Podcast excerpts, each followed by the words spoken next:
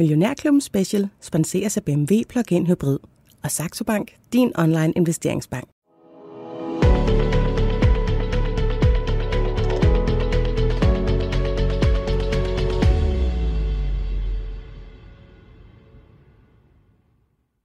Fra de gamle Ægyptier til vikingerne til sommerens studentervogne. Øllet har flut gennem verdenshistorien, og hvis jeg skal vælge et ord, der binder danskerne sammen i både gode og dårlige tider, ja, så vil det være skål. Det er derfor også en interessant sektor at kigge på med investorøjne, og sammen med administrerende direktør Lars Jensen åbner jeg i dag døren ind til Danmarks anden største bryggeri, nemlig Royal Unibrew. Velkommen til, Lars. Tak for det. Øhm, den 1. september i år, der øh, blev du udnævnt til administrerende direktør i Royal Unibrew. Hvad gør dig til den bedste mand på den post?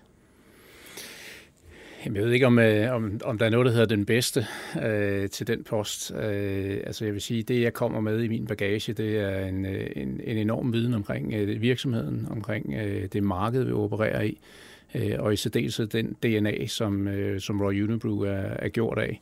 Øh, og, og så kender jeg øh, forretningen ind og ud, og øh, man kan sige, på nogle punkter er det jo klart en fordel, fordi det gør, at der er nogle ting, vi kan gøre øh, måske langt hurtigere, end hvis det var en, der kom udefra. Øh, modsat så skal jeg også være enormt opmærksom på, at, at jeg ikke skal blive forenet skuende, øh, men, øh, men bruge, øh, bruge det netværk og, øh, og, og den viden, som der ligger øh, omkring virksomheden. Øh, og det bliver nok øh, en af de største opgaver, kan man sige, øh, for mig i den kommende tid. Mm, ja, fordi hvornår var det, du startede i Royal Unibrew? Jamen, det gjorde jeg i 1993 en lang karriere, kan vi godt kalde, i, i, i bryggeriet.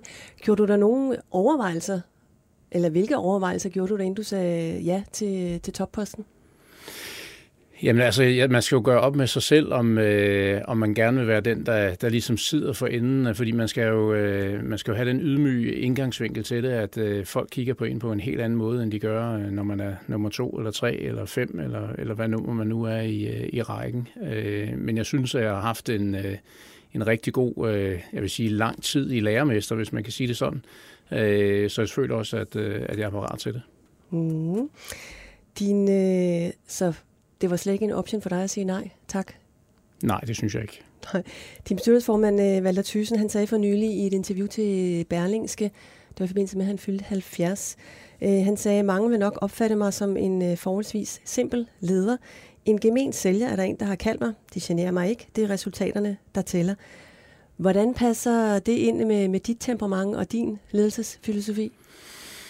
Jamen, jeg synes egentlig, at, at Valder supplerer os øh, rigtig godt, kan man sige, i ledelsen, og det er også det, der er vigtigt. Vi skal jo ikke ligne hinanden. Øh, og det er jo der, hvor man kan sige, at, at hvis man også kigger ind i vores organisation, så er jeg øh, ikke ligesom de fleste i vores organisation, som er enormt kommercielt drevet.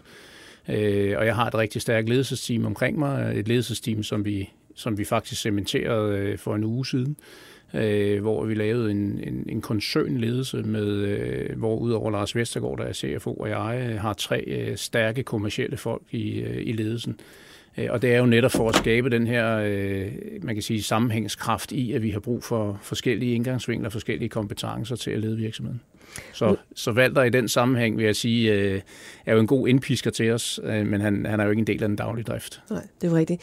Så I har altså sat klodserne sammen, du siger for en uge siden, så er det altså midt i oktober, at I omstruktureret lidt, og du satte sat dit team i forhold til, at du nu sidder på, på spidsen. I, øh, I er som sagt Danmarks anden største bryggeri. Nummer et herhjemme, det er jo øh, Carlsberg. Carlsberg, som også er, er nummer tre i verden efter AB InBrew og, og Heineke. Jeres plads på, øh, på verdensmarkedet, øh, hvor er den? Jamen for det første vil jeg sige, at vi er ikke bryggeri. Det kan godt være, at vi er det af en navn, øh, men vi er jo en drikkevarevirksomhed, og vi, øh, vi servicerer både vores kunder og forbrugere med øh, faktisk en større andel af, af produkter, som er uden alkohol end med alkohol. Øh, og øl i sig selv udgør øh, omkring 30 procent, lidt over 30 procent af vores samlede forretning, fordi vi også laver cider, vi laver det, vi kalder ready to drink, altså produkter som for eksempel Temt eller eller kult shaker, eller, eller lignende jeg produkter. Jeg har teenage jeg har mødt en kult og en mokai derhjemme i tid og utid. Ja, undskyld. så, øh, så, så vores plads, den er øh, ikke at tænke som, en, øh, som et bryggeri, det er at tænke som en drikkevareleverandør. Mm. Øh, og så har hver marked har sin egen strategi. Vi er jo en, øh, en virksomhed, som er fyldt med lokale mærker og nationale mærker, og det er det, der er, man kan sige, der er vores øh, specialitet i forhold til nogle af dem, som er, er større end os, som har meget internationale mærker. Mm. Så hvis man øh, tager øh, verdenskortet, øh, hvad er så jeres øh, primære marked?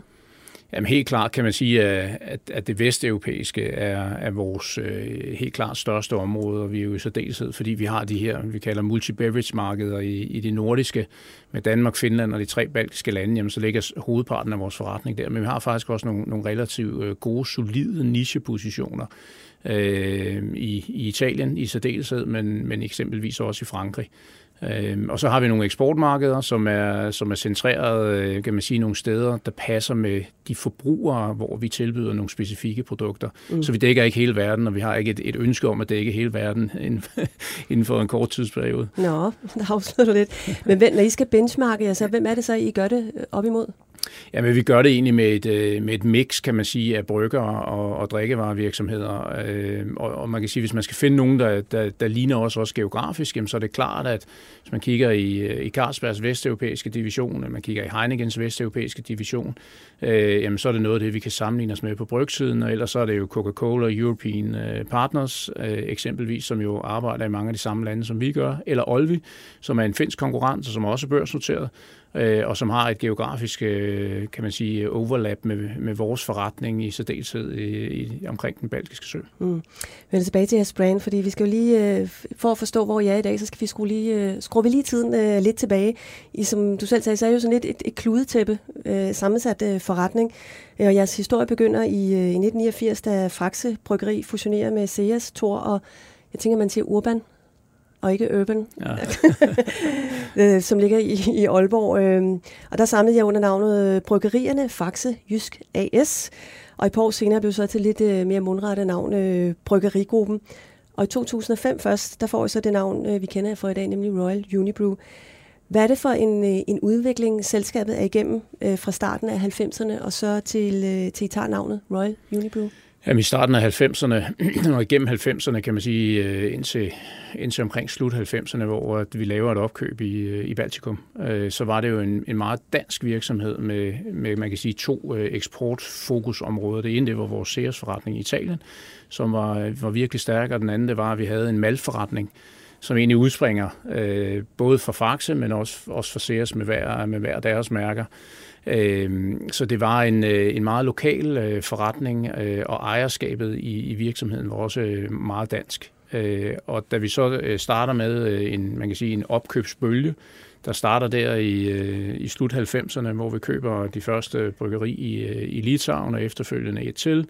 Vi, vi køber Albani, vi køber bryggerier i, øh, i Letland. Øh, vi køber en juicevirksomhed i Letland. Vi køber bryggerier i Polen. Øh, så, så kan man sige, at i løbet af de her 6-7 år, der ændrer vi os fra at være meget dansk funderet til rent faktisk at have mere forretning øh, uden for landets grænser. Mm. Øh, og, og det øh, bryggerigruppen, øh, når man snakker med folk øh, uden for landets grænser, så troede de faktisk, at vi var en del af Carlsberg.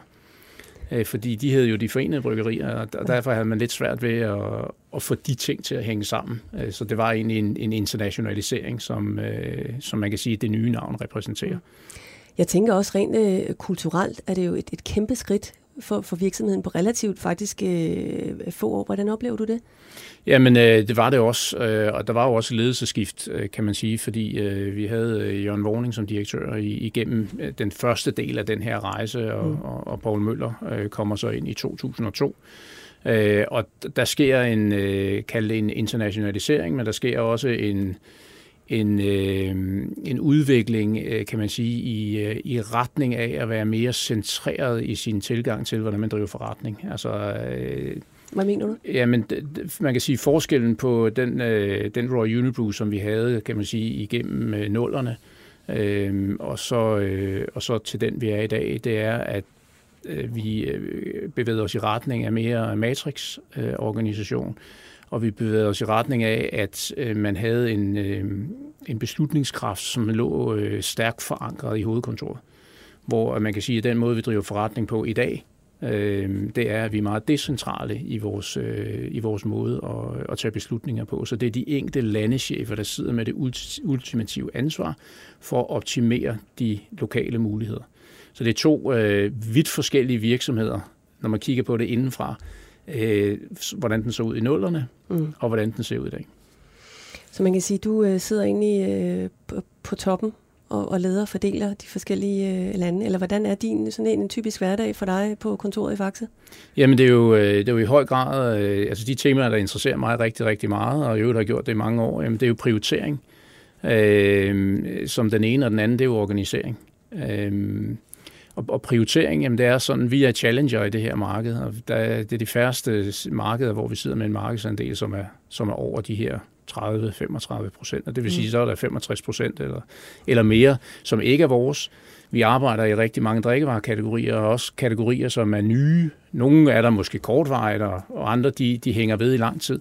Og det, der jo egentlig er vores aller, aller vigtigste opgave, det er jo at få prioriteret vores ressourcer, og det er sådan set ligegyldigt, om det er vores egne ressourcer i form af den manpower, vi putter ind i de forskellige opgaver eller muligheder, der er derude, eller om det er de økonomiske prioriteter i forhold til, hvor bruger vi vores marketingpenge. Det er jo egentlig den aller, aller vigtigste opgave, kan man sige, for landecheferne, deres organisationer og for, for Lars og jeg i, øh, i direktionen. Mm. Øhm, og, og, og det, der jo også sker, når markederne forandrer sig, det er, at man skal også sørge for, at organisationen følger med. For det her, det, det er også et spørgsmål om, at man har de rigtige folk de rigtige steder og med de rigtige kompetencer. Det er nok det primære. det er primært, vil sige, at du har folk til at løfte opgaverne. Jeg tænker lidt, øh, det kan jeg også se her i Millionærklubben, når vi taler marked, så er det jo selvfølgelig Carlsberg tit, der bliver hed frem øh, herhjemme. Hvordan er det at være, være toer? Nu siger du ikke, det er jo, sådan, det er jo på, på en del markeder.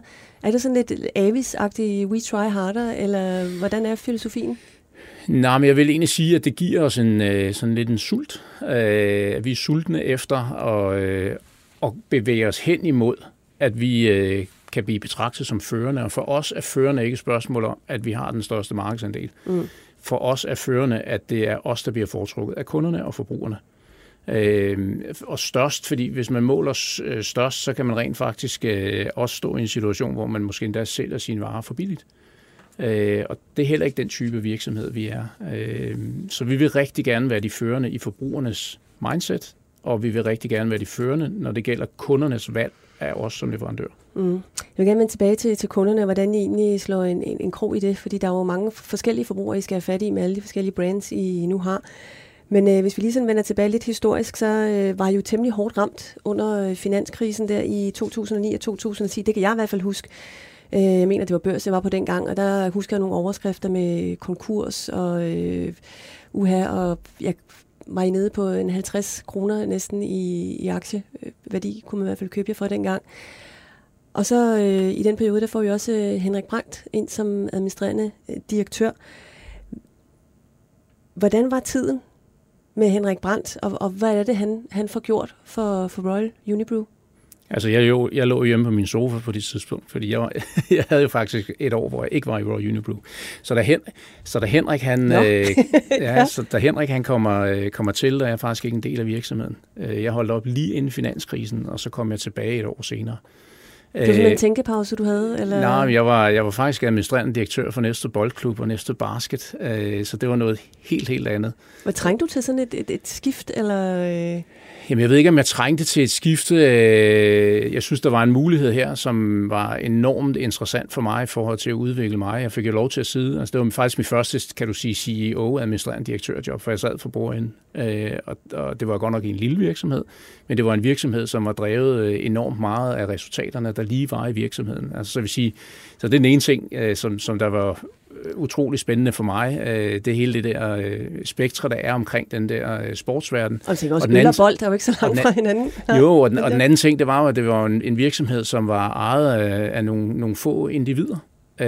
Så det var også en helt anden stakeholder management, som, som der var på ejersiden. Så det var en spændende tid. Men, men det, som der jo, kan man sige, som der skete, da Henrik han kom ind, det var, at det var, der blev øh, taget fat i en, øh, en forandring af virksomheden, og det var egentlig det, jeg startede med lidt at sige, det var, at vi kom fra en virksomhed, som var meget matrix-drevet, øh, og som var drevet af, at, at meget beslutningskraften, den egentlig lå øh, centralt, øh, og jeg sige, det, det, det vigtigste, jeg vil sige, footprint, som Henrik han har sat på organisationen, som bare skal vælge en, mm. men så er det, at han har fået flyttet den, den kultur, den måde at drive forretning på, til at være en decentral øh, forretning, øh, eller decentral styret forretning, øh, hvor at man ikke skal sidde og tage beslutninger på CEO-niveau omkring, om man skal bruge en halv million mere på det mærke eller på det mærke lokalt, fordi det, har, det er vi ikke gode nok til at kunne tage den beslutning, kan man sige. Det er de lokale markedsføringsfolk, øh, den mm. lokale ledelse, der skal kunne tage de beslutninger. Så det, at vi har fået flyttet øh, ejerskabet lokalt, det har gjort, at vi er vildt stærke lokalt i vores ledelse og vores forankring over for vores kunder øh, i særdeleshed. Øh, det er også svært at sidde i Danmark og finde ud af, hvad forbrugerne i Letland for eksempel, eller Karibien, hvad de gerne vil have. Ja, fordi man forstår, altså selvom man har arbejdet, altså jeg har arbejdet i nogle af de her lande i rigtig, rigtig mange år, men mm. du kommer jo aldrig ind og forstår helt naven af, hvad der, hvad der er, der fungerer øh, inden hos den enkelte forbruger eller hos den enkelte kunde. Øh, og derfor så tror jeg ikke, at vi på det punkt som ledelse skal gøre os kloge. Vi kan diskutere prioriteter, vi kan diskutere, hvordan vi kommer frem til konklusionerne øh, for, hvorfor det er, vi vil gøre nogle forskellige ting. Mm. Det er en anden måde at, at, at gøre det på, end at sige, at det er sådan, det skal være.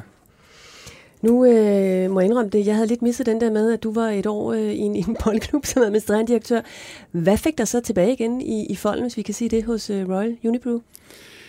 Jamen, altså for det første var der jo et ledet job igen. Ja. Øh, øh, så, så jeg kom egentlig tilbage til, til den stilling, som jeg, jeg forlod. Øh, der havde så været en i mellemtiden. Øh, Øhm, jamen altså, de, de tre ting, som der altid har været afgørende for mig omkring Royal Unibrew, det er, at jeg har de mest fantastiske kollegaer på jorden. Øh, og vi arbejder rigtig godt sammen, og vi er gode til at spille hinanden bedre. Vi har øh, øh, altså nogle muligheder, synes jeg, fordi vi er den her challenger, som vi talte om før, som, som gør, at der er så meget, vi kan jagte. Øh, og så gør vi det i en respekt for hinanden øh, og for det marked, vi opererer i. Øh, så, så det skaber en enorm stolthed. Øh, og, og den stolthed, øh, kan man sige, tog jeg, jo, tog jeg jo med mig, og den kom jeg tilbage til mm. øh, et års tid efter. Blev du sådan spurgt direkte, eller var det dig selv, der sagde, at jeg kan ikke undvære Royal Unibrew? Jeg fik faktisk en opringning. det tænker jeg. Øh, og har, men så er det jo på, hvis jeg sådan kigger på det, så øh, er det vel meget godt, du har været ude og trække luft, hvis vi kan kalde det, et andet sted øh, og taget nogle erfaringer med fra dig der? Jeg tror, det har gjort mig stærkere øh, mm. på, på mange punkter, og det har givet mig et, et, et, et anderledes syn på nogle ting. Øh, det, det, øh, så jeg vil ikke være det for uden, vil jeg sige, øh, når jeg står og kigger på det tilbage. Nu sidder du så på toppen af Royal Unibrew. Det har du gjort siden 1. Øh, september. Hvad er din strategi for, for selskabet? Jamen altså, jeg har jo været med, jeg har jo været en del af strategien, øh, i og med, at jeg har siddet i direktionen i, i ni år allerede nu her. Øh, så øh, vores strategi, den er, kan man sige, øh, sådan stærkt funderet i, i virksomheden og, og i de ting, vi gør. Mm. Så, så man skal ikke forvente, at, vi, at jeg har sat mig i det her sæde, at, at vi lige pludselig bliver en helt anden virksomhed. Men det er klart, at vi skaber jo evolution over tid. Og det er faktisk også det, som er, jeg vil sige, at DNA'en i Royal Unibrew, det er, at, at vi, ikke, vi er nødvendigvis ikke så vilde med revolution. Vi kan faktisk bedre lide evolution. Vi kan bedre lide, at vi, øh, kan man sige, fra, øh, fra ham eller hende, der står øh, nede ved tarpekolonnen, til, til dem, der sidder øverst i, i organisationen, at, at vi er med alle sammen. Fordi det, hvis vi ikke trækker med alle sammen, jamen, så ender det med at, at ikke have den sammenhængskraft, der skal til. Mm. Øh, så, så, øh, så det, man skal forvente, det er, at der er nogle af de øh, man kan sige, prioriteter, som vi har etableret øh, over de sidste år, øh, at, at det vil være de samme. Men vi måske gøre det på en, en lidt anden måde, øh, end, end vi har gjort det før. Og hvad er den lidt anden måde? Ja, men det, det vil du nødvendigvis ikke opdage, kan man sige, i dagligdagen. Mm. Øh, det, det er jo nok noget, som man vil, man vil se lokalt. Men der er jo nogle ting omkring prioriteter. Øh, altså, hvad er det for nogle, nogle dele af markedet, vi tror på, der vil vækste øh, de kommende år? Hvor er det, vi har nogle brands, der kan, der kan spille ind?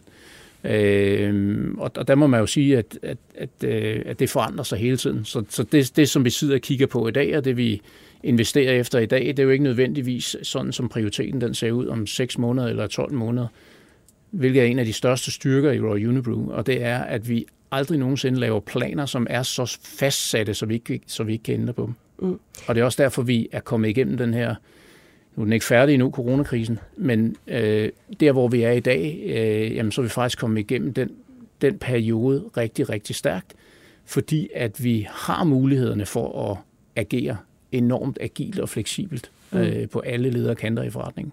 Og det sagde du netop, øh, det berømte ord agil, øh, som jo er det nye, øh, det som alle ledere tilbeder efterhånden, og, og forretninger. Fordi, man siger, du kan jo vågne op i morgen, og så er din forretning væk. Det er jo lidt øh, der, vi er øh, nogle steder, så du skal jo være fleksibel, og dem, der lægger femårsplaner, dem bliver du jo grinet af øh, mange steder øh, efterhånden. Men nu sagde du selv øh, pandemi, øh, og nu sagde du, at vi vokser gennem evolution, ikke revolution, men det er jo et, et, et kæmpe ryst, der har været den her øh, pandemi, og det der, det, der sker lige nu. Er det, fordi I ligesom i forvejen ikke kigger så langt frem, at I har kunne justere jer under den her øh, periode, som jo stadigvæk er? Jamen, jeg synes, vi, altså på nogle punkter kigger vi jo frem. Altså, så det er jo ikke sådan, at vi kun kigger på, hvad der bliver solgt i morgen eller om en mm. uge. Altså, vi, mm. vi kigger jo, når vi udvikler produkter, og vi kigger på, hvad der er for nogle kategorier, vi skal, vi skal, vi skal fokusere på, eller hvad der er for nogle koncepter, vi skal bringe til markederne. Jamen, så bliver vi jo nødt til at have 12, 18, 24, 36 måneder øh, på i, i forhold til sådan en tidshorisont. Øh, altså der, hvor jeg tror, at, øh, at vi er stærke, det er, at øh, når vi, når vi samler os, og man kan sige i forhold til den her coronakrise, vi har noget, vi kalder Growth Leadership Team, hvor at vores landechefer øh, de sidder. Øh, og, og der kaldte vi sammen i den gruppe, og vi blev relativt øh, hurtigt enige om, hvad det var, der skulle gøres. Og så blev man sendt tilbage og sige, hvad, hvad er det, man kan gøre lokalt? Og der kommer så kan man sige, nogle, nogle, nogle ting på bloggen. At, jamen, der er noget, man kan gøre på omkostninger. Mm. Der var nogle lande, hvor man havde mulighed for at hjemsende folk. Der var nogen, der havde rigtig meget ferie. Øh, vi kunne se, at der var et skifte imellem øh, supermarkeder, øh, som, som havde et større salg, og, og restaurationssektoren, der havde et mindre salg. Okay, hvad gør vi der? Kan vi flytte nogle folk fra den ene øh, del af organisationen over i den anden del af organisationen, sådan så vi kan servicere kunderne og forbrugerne på den, på den bedst mulige måde. Og der skal sådan set ikke så, så lange møder til, og der skal heller ikke så mange ord til, fordi de lokale landechefer, de har så stort et ejerskab for at le- levere, for, øh, i, øh, kan man sige, øh, i deres forretningsdel, og mm. over for de kunder, som de er ansvarlige for. Så det giver næsten sig selv. Selvfølgelig er der nogle ting, som man skal skubbe på, men, øh, men jeg tror, at, at på grund af den DNA, vi har, så vil man nok, hvis man benchmarker også mod andre virksomheder, mm. så vil man nok se, at at man som topledelse skal gøre mindre hos os, end man skal i, i, i, nogle, øh, i nogle virksomheder, som er langt, langt større og kører med nogle andre strukturer, end vi gør.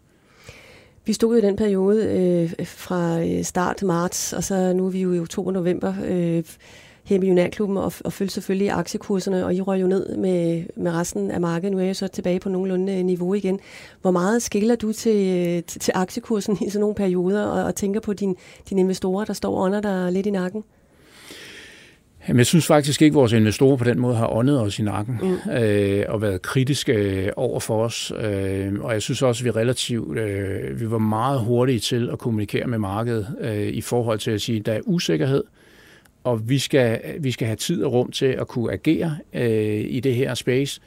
Øh, og, og den anden ting, det var, at vi var også en af de første, der gik tilbage til markedet og sagde, nu har vi transparens. Vi har i hvert fald en form for transparens. Det kan godt være, at spændet er større end det, vi normalt opererer i, men, men vi var faktisk nogle af de aller, aller første. Og det, det vil jeg sige, det, det kvitterer aktionærerne jo så også for efterfølgende. Det kan godt være, at der er en kortsigtet usikkerhed, og den usikkerhed, kan man så sige, den kom jo så også samtidig med, at, at, øh, at vi meddelte, at Hans øh, stoppede så kan man sige, hvad kommer fra det ene, og hvad Den kommer fra det andet. Det, det, det er jo altid mm. svært at, mm. at, øh, at sige. Altså, jeg tror, der var nogle analytikere, øh, som øh, de undervurderede vores agilitet, de undervurderede vores kanalmix og vores produktmix. Så, så da de gik ind, og, og da vi så nogle af de aller, aller første analyser på, hvad det her impact det egentlig skulle være for os, men der havde de, der havde de skudt skævt. Mm. Og det kan man sige, det har de jo så også kalibreret over de, over de mm. sidste måneder, og er jo, øh, kan man sige, kommet tilbage til noget, som ligger i, i vores øh, guidance. Har I så fat i analytikerne? Det er jo så ikke dig, det er Investor Relations på det tidspunkt at sige, hey, hør her. Jamen altså, vi taler jo med aktionærer og analytikerne ja. løbende, ja. øh, og det er jo ikke sådan, så vi, vi kan og må jo ikke styre analytikerne, men vi kan fortælle om, hvad det er, vi gør. Og, og, og så må de jo så drage deres konklusioner på baggrund af det. Øhm. Og du har fuldstændig ret i, Lars Jensen. Øh, det er selvfølgelig ligegyldigt, hvad I gør, men bare fortæl os, hvad I gør som investorer, så vi har en, en feeling med, i stedet for, at der er radiotavshed. Og jeg kan godt huske, at I var nogle af de første, der var ude og, og sige, at det er sådan her, landet det ser ud. Men nu siger du, at jeres stærke sider, det er det her mix og jeres øh, produkter, og I bestiller næsten ikke andet, end, sagt, end, end at købe op og lægge til. Øh, jeg tror, i 2019 var det netop Mokai Kult, og mm. hvad var det også? Der var en tredje under det brand, som I købte der. Men øh, hvis jeg skal kigge sådan øh, fremadrettet og væksten, nu ved jeg ikke, hvor meget du kan fortælle om det, men øh, hvilket marked er det, I siger, hov, det er her, vi skal rykke øh, næste gang, og sådan inden for, ikke mærker måske, men øh, læskedrikke er det, I siger, der er muligheder her? Jamen, altså, jeg vil sige, vi kigger jo, øh, vi kigger jo primært, kan man sige, i, i Vesteuropa. Mm. Øh, jeg kalder det Europa, men, men med fokus på Vesteuropa. Altså, det er jo der, hvor vi har hjemme, det er der, hvor vi har bevist, at vi er rigtig gode til at, til at drive forretning. Øh, så, så det er jo nok det, man skal forvente, der vil være vores hovedfokus. Fokus. Øh, og det er sådan set ligegyldigt, om det gælder organisk vækst, eller om det gælder øh, potentielle akquisitioner eller partnerskaber, øh, som jo også er noget, man i drikkevareindustrien, øh, som, er, som er rigtig vigtigt i drikkevareindustrien. Mm. Øhm, så øh, kanaler øh, er jo også i forandring i øjeblikket. Øhm, så, så det er jo den anden ting, der, der er vigtigt at forholde sig til. Øh, og så sker der også rigtig mange ting på forbrugersiden, og noget af det har vi jo set øh, forstærket hen over, hen over den sidste, det sidste halve års tid i forhold til, hvordan er forbrugerne forbruger produkter. Mm. Øhm, og, det, og det er jo nogle af de ting, som er med til at, kan man sige, at, at skabe prioriteterne også for os. Øh, nogle af de ting, som vi har set over de sidste 6-8 måneder, vil være vedvarende i en eller anden grad, og der vil være nogle andre, som, som vil fade over i noget, som vi så tidligere også, når vi kommer ud på den anden side. Altså, hvis man kigger på, øh, på restaurationssektoren øh, for eksempel, vi er jo sociale dyr, mennesker. så, så vi tror jo helt klart på, at, at den kanal øh, vil komme tilbage igen, men i hvilken form og, og med hvilket øh, man kan sige fokus i forhold til caféer, nightlife, restauranter osv., det vil måske ændre sig, men vi vil jo stadigvæk gå ud. Vi er stadigvæk hungrende for at gå til koncerter, gå til fodboldkampe og andre ting. Øh, så, øh, så det er mere det der med, hvordan ser sammensætningen ud, og hvilken rolle kan vi så spille i det. Så man kan sige, at du har klodser nok, altså ben nok at stå på til at kunne hæve det ene og det andet under sådan en pandemi, hvor netop vi ikke kan gå ud og få os en øl øh, på en fortovscafé. Ja, det kan vi så godt lidt, men nu bliver vi smidt hjem kl. 22 øh, og, og sidde inde og drikke også for eksempel. Altså, øh, vi ved jo ikke, hvad der er foran os. Man kan sige, at vi har klaret mm. os igennem, øh, jeg vil sige, ret godt indtil videre. Øh, og vi, vi føler også, at vi har den modulerbarhed i, i virksomheden. Men det er klart, at når, når forandringerne sker hurtigt og massivt, så er mm. det sværere at tilpasse os. Og vi havde nogle rigtig svære måneder i marts, april og til dels i maj måned. Nu har vi så været hjulpet af, af staycation-fænomenet hen over sommeren, hvor uh, og det er sådan set i alle vores lande, hvor at italienere har holdt ferie i Danmark og drukket vores produkter, og danskere har holdt ferie i Danmark og drukket vores produkter osv. Og det har hjulpet os, men det er jo ikke noget, der, der hjælper os måned efter måned, mm. fordi det er, jo en, det er jo en decideret sommereffekt. Øh, det så der skal jeg, arbejdes... Jeg, jeg støtter jer stadigvæk. der skal arbejdes rigtig, rigtig hårdt, kan man sige, øh, ja. og, og enormt, øh, igen at bruge ordet agilt, i, øh, i forhold til at, at levere det, som, som vi har rapporteret til markedet indtil videre, og som er vores Outlook Guidance.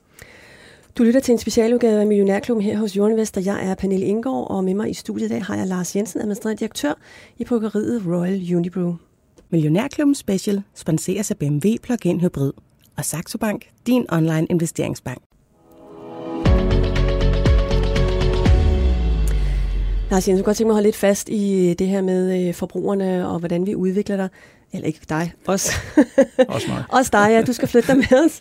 Så ølmarkedet generelt, øh, hvordan har det udviklet sig, øh, mens du har været hos øh, Royal Unibrew? Jamen det har jo udviklet sig øh, fra at være en, øh, en kategori, som, øh, som måske der var ikke så meget fejnsmækkeri over det. Øh, det var sådan meget et, øh, et øh, produkt, som det var, en, det var en pilsner, og så var der lidt specialøl. Og mm. så kom klassikken til. Den skabte noget, noget liv, kan man sige, i, i kategorien i Danmark. Og så må man sige, at øh, med hele den her mikrobryggeri-trend, øh, øh, som der jo startede et eller andet sted, kan man sige, med, med, med sådan nogen som Svanike Nørrebros Bryghus, som Anders Kismeier var med til at starte, de var med til ligesom at skabe en, en viden og en indsigt i det her produkt her, som, som var anderledes. Så forbrugerne begyndte lige så stille og roligt at blive nysgerrige på, hvad, hvad det her det egentlig var for noget.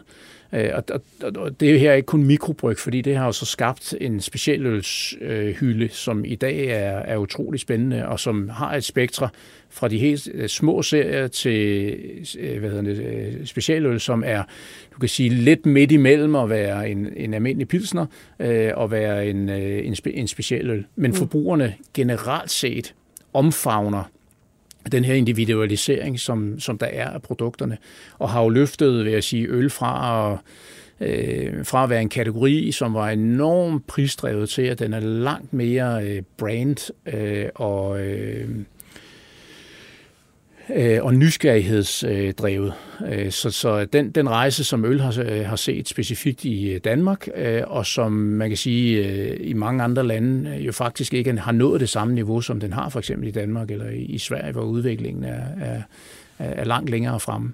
Det, det giver jo nogle spændende udsigter, kan man sige, stadigvæk for ølkategorien, men det bliver en anden, det bliver en anden form, end, end man så for, for 20 år siden. Det, det er der ingen tvivl om. Da man havde en håndbejer. Og i øvrigt vil jeg jo sige, at det er jo lidt den samme trend, vi ser inden for mange andre kategorier. På en anden måde, men, men man ser den egentlig på samme, øh, på samme fasong, at forbrugerne de er nysgerrige, mm. øh, og, og det er jo så det, vi skal forsøge at ramme. Hvornår drak du selv din første øl? Øh, jamen, jeg har jo nok været alt for ung. det tror jeg, de fleste har. Men jeg tænker sådan lidt, livs, altså har, den typiske forbruger, nu kan vi tage øh, Danmark, øh, er der sådan en, en, en livscyklus inden for, øh, hvad vi drikker, både øl, men også læskedrik-mæssigt? I, I må tage ind i nogle af dem for at sige, at det er den her målgruppe, vi går efter. Altså, der, der, der er nogle typer af produkter, som er kaldt mere alders, aldersbetinget, og der er nogle, der er mere købekraftsbetinget, øh, og der er nogle, som, øh, som er occasion-drevet. Ikke? Og, og det er der, hvor vi forsøger selvfølgelig at lægge det ind i nogle bokse, sådan så vi kan tilpasse vores distribution, vi kan tilpasse vores synlighed i, i de butikker, hvor at de forbrugere de kommer. Øh, så, øh, så det, er, det er afgørende for vores prioriteter, at vi hele tiden sidder og kigger på, på den form for matrixer. Mm. Og når I så skal finde forbruger trendsene, der skal jo være foran. Du skal jo vide noget meget før jeg selv ved det dybest set, så du kan notche mig lidt til at ja, drikke det. Ja. Hvordan holder I øje? Ja, man bliver jo nødt til at, at tale med dem, der lever i fremtiden. Ikke? Så, så, så det er jo egentlig... Fortæl mig, hvor de er. ja, men, men, øh, men, men det er jo dem, som et eller andet sted er, er trendsetterne. Ikke? Altså mm. det er den her en, kalde 1-2 procent af befolkningen, som er nysgerrige og som tør at udfordre og som også, også tør at gå andre veje end, øh, end den generelle del af, af befolkningen. Og, og det er der jo forskellige måder, at man kan være tæt på dem på. Mm. Som og dem vil jeg selvfølgelig ikke afsløre. tak. Men det vi taler meget om i øjeblikket, det er jo selvfølgelig hele den her... Øh, kunstig intelligens, sociale medier, øh, influencers og, og hele den skuffe, der kommer der. Øh, hvordan man kan monitorere og, og måle. Og nu var jeg så fræk at sige, at, at du fortæller mig, hvad jeg gerne vil drikke, øh, i stedet for at jeg selv øh, finder ud af det. Men hele den her, som siger, kunstig intelligens øh, og digitalisering, som jo øh, er på niveau med ordet agil øh, for jer som øh, leder. Hvordan arbejder I med det i øh, Royal Unibrew?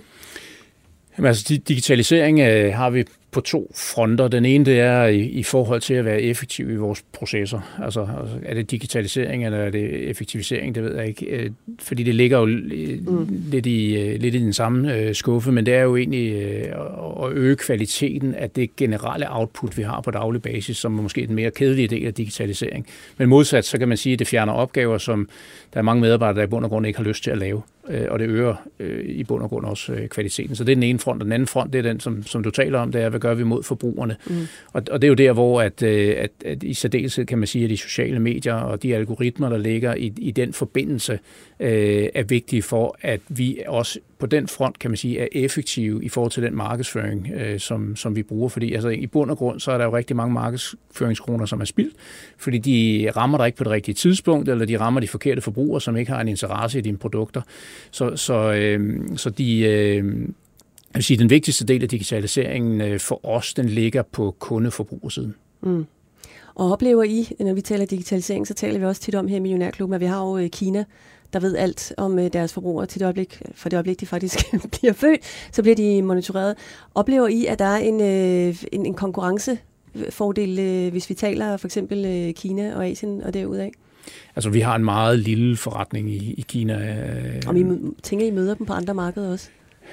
Øh, det, det gør vi faktisk ikke rigtigt. Mm. Øh, det kan godt være, at der er nogle af de, af de virksomheder, der er der, men man kan sige, øh, drikkevaremæssigt set, øh, så, er, så er Europa, øh, USA, øh, center of the universe øh, for de fleste produkter øh, i, i de kategorier, som vi, øh, vi, vi, vi konkurrerer i. Mm. Og hvad er jeres stærkeste brands i dag? Ud af, hvor mange er det, I sidder på?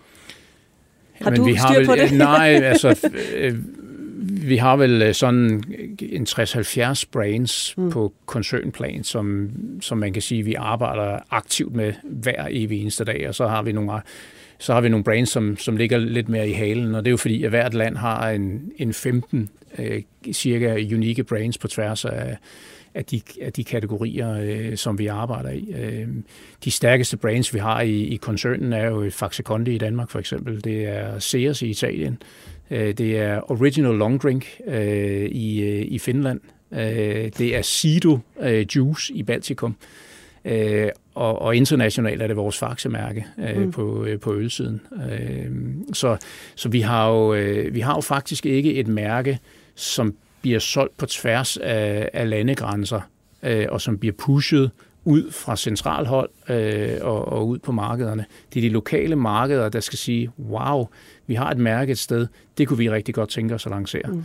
Og, og man kan sige, at det sidste eksempel, vi har på det, det er, at vi har lanceret øh, Kondi Booster i, øh, i Finland, øh, og vi har lanceret øh, Kult Energidrik i, øh, i Baltikum. Mm. Og så kan man sige, jamen hvorfor er det ikke det samme mærke, der går øh, til, til, til begge de her regioner? Jamen det er simpelthen fordi, at forbrugerne er forskellige. Så det er det korte svar. Det giver også meget god mening, jeg behøver ikke mere end det. Så det vil sige, Lars Jens, sådan så, at øh, I sidder i Faxe og tænker, at vi har brug af at udvikle øl og smage og den her retning. I er simpelthen ude på markedet og se, hvad for nogle mærke af, af bobler her, som vi gerne vil med på. Jamen igen, udviklingen, den er jo også, altså den er faktisk sådan, øh, at, øh, at finderne laver rigtig mange gode ting, og de idéer, de har der, jamen, dem kan vi også bruge i andre markeder på samme måde, som, som de idéer, vi udvikler i Danmark, jamen, dem kan vi også bruge i de andre markeder. Mm. Så det, der er vores hovedopgave, det er egentlig, at de de, øh, den idéskabelse, at den bliver delt imellem os. Og så kan man øh, stjæle med, med, med stolthed øh, fra hinanden. Om det så er brands, eller om det er recepter, om det er koncepter, øh, som man kan implementere i sin, øh, i sin lokale organisation. Det, det, det, det er der en af vores hovedopgaver som ledelse, at sikre, at, øh, at vi har det liv, og at vi har den deling mm. af, af gode idéer. Nu sagde du selv, at øh, pandemien har, har skubbet øh, til noget, som vi jo ikke rigtig ved af endnu, men nu siger du selv øh, koncepter og brands. Er der mere vægt på koncepter i dag, altså på selve storytellingen i dem og, og, og skulle ramme øh, forbrugerne og, og markederne? Jamen, der er ingen tvivl om, at forbrugerne i dag øh, er meget mere interesserede i det, der ligger bagved øh, på samme måde som vores kunder er interesserede i det, der ligger bagved. Mm. Øh, og det er både historien omkring produkterne, det er kvaliteten af produkterne, det er, det er også, om de bliver produceret under ordentlige forhold, øh, om, om vi øh, på, på den her CSR-ESG-agenda, øh, om, øh, om vi lever op til det, som er, er rimeligt. Er vi bedre end andre, og hvad gør vi? Hvad er det for nogle planer, vi har? Mm. Så der er ingen tvivl om, at, kravene for forbrugerne er langt, langt større. Og de er meget mere nysgerrige Øh, og det ser vi faktisk som en fordel, og vi tror også på, at det er en af grundene til, at vi har været i stand til at, at klare os så godt over de sidste 10 år. At det er fordi, at forbrugerne er nysgerrige, og der har vi altså, øh, føler vi, en, en uniqueness, som vi kan dele ud af. Mm. Jeg synes, nu sagde du det selv, øh, CSR og bæredygtighed og, og verdensmål, og, og bæredygtighed er jo det nye øh, sort, hvis man kan sige det sådan for jer øh, virksomhedslæger. Jeg synes ikke, jeg har hørt så meget fra jeres front, så, så store udmeldinger omkring øh, bæredygtighed og, og hvad det er, I gerne vil på den front. Jamen, vi, er, altså, vi har rigtig mange gode historier at fortælle. Øh, vi var måske ikke så gode til det. Øh, vi er øh, en provinsvirksomhed, som ikke er på godt og ondt, kan man sige, men i den her sammenhæng, så, så bruger vi nok ikke nok kraft på egentlig at fortælle, hvad det er, vi gør. Der er rigtig mange ting, vi kan gøre, og vi øh, arbejder benhårdt med det hver evig eneste dag. Men bare udgangspunktet, hvis man kigger på, hvor vi rent faktisk er i dag, det er rigtig, rigtig godt. Øh, og, og vi har flere og flere kunder, som tilvælger os, fordi at vi har så grøn en profil, som vi har. Når du siger grøn profil, hvad er det så, de vil tilvælge jer på? Ja, men de, til, øh, de tilvælger os, øh, altså tag Ekilde for, øh, som et eksempel, ikke, som har været CO2-neutral i 8-9 år eller sådan noget i hvert fald, øh, og, og var jo et eller andet sted first mover i forhold til at, at levere bæredygtighed inden for, inden for drikkevarebranchen.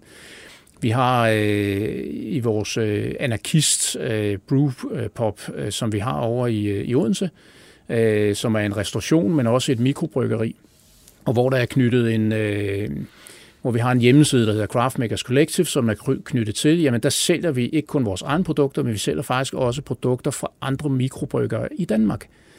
Øh, vi, laver, øh, vi har lavet de her virtuelle smagninger øh, over de sidste 6-8 måneder, øh, hvor folk kan købe en, en, en kasse med smag, øh, smagprodukter.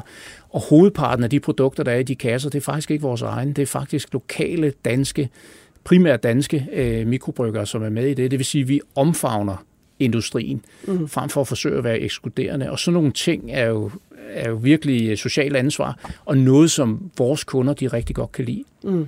Vi har udviklet et uh, øh, tap-wall-system med, med, med, med fadelshaner, uh, og der giver vi faktisk også adgang til, at et lokalt bryggeri kan få en hane. De skal selvfølgelig betale for, at det bliver renset, og fordi det er også der står for, for investering, men vi giver dem rent faktisk adgang til at, at kunne sælge, øh, sælge produkterne lokalt. Mm. Og det er faktisk vigtigt for mange restauratører. De vil gerne have en, en leverandør, som der kan servicere dem 24-7, 365 dage om året, men de vil typisk også gerne have, at der er en lokal forankring af en eller anden øh, grad, og det kan vi faktisk levere til dem. Mm. Så der er mange vinkler på øh, at være... Øh, man kan sige, være, øh, have det bedste koncept over for kunderne, men samtidig også gøre det på en måde, som er socialt ansvarlig. Så man kan sige, et eller andet sted, der var I faktisk klar til den her bølge af bæredygtighed og, og samfundsansvar. Nu skal I simpelthen bare ud og fortælle historierne. Jeg kan ikke sige, at vi er 100% klar, øh, og det, det bliver man jo nok aldrig, og jeg tror, at det, man skal være opmærksom på, det er jo, at barn for, hvad, hvad man forventer af os, den stiger dag for dag. Øh, så vi skal lægge os i selen, og vi skal gøre nogle flere ting, og hurtigere. Også fordi vi har ressourcerne til det, øh, så er vi også forpligtet til at gøre det. Og hvad gør I så ved den del, når du siger samfundsansvar, og øh, jeg tænker unge mennesker, og øl, og kult, og mokai, og hele, undskyld, den del af det. I er jo sådan lidt med den øh, kategori, vi kalder søndefulde aktier. Øh, lidt hårdt øh, skåret. Dit, dit jeres ansvar i forhold øh, til det, hvordan arbejder I med det? Man kan sige, at vi er jo, altså vi er jo medlem af bryggeriforeningerne, øh, og, og det er jo øh, en, en, som branche er jo en stor del af det arbejde, det foregår via bryggeriforeningerne, sådan så vi sikrer, at øh, vi som enkelt spillere i, i markedet ikke gør noget, som ikke er i overensstemmelse med god, øh, god praksis. Mm. Så det er, det er et vigtigt udgangspunkt øh, at tage. Altså det som, vi, det, som vi forsøger at gøre som virksomhed, det er jo at, øh, at lancere produkter, der har lavere alkohol, øh, eksempelvis, øh, eller med lavere kalorieindhold, øh, hvis man snakker sukker eller, eller ikke sukker.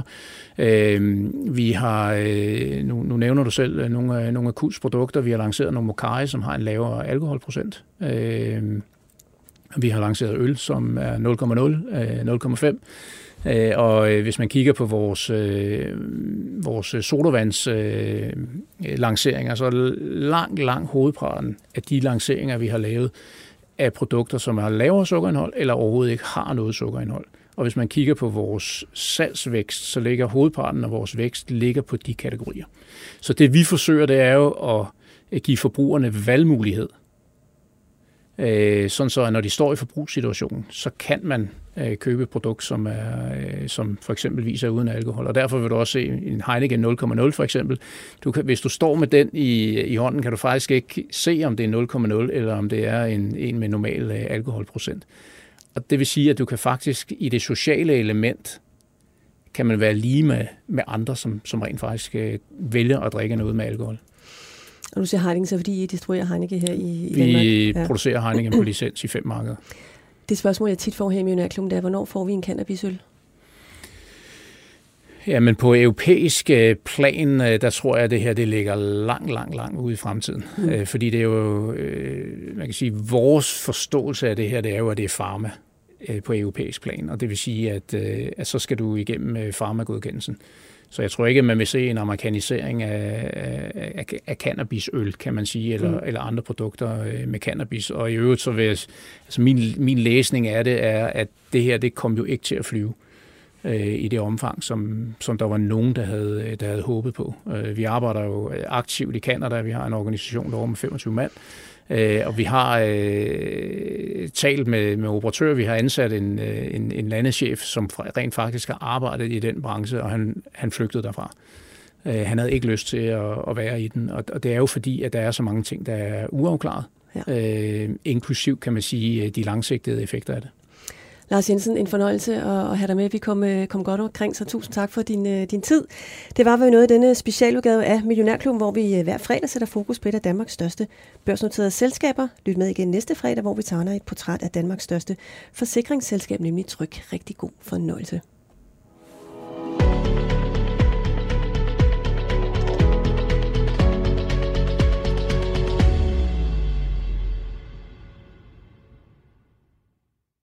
Millionærklubben Special sponseres af BMW Plug-in Hybrid og Saxo Bank, din online investeringsbank.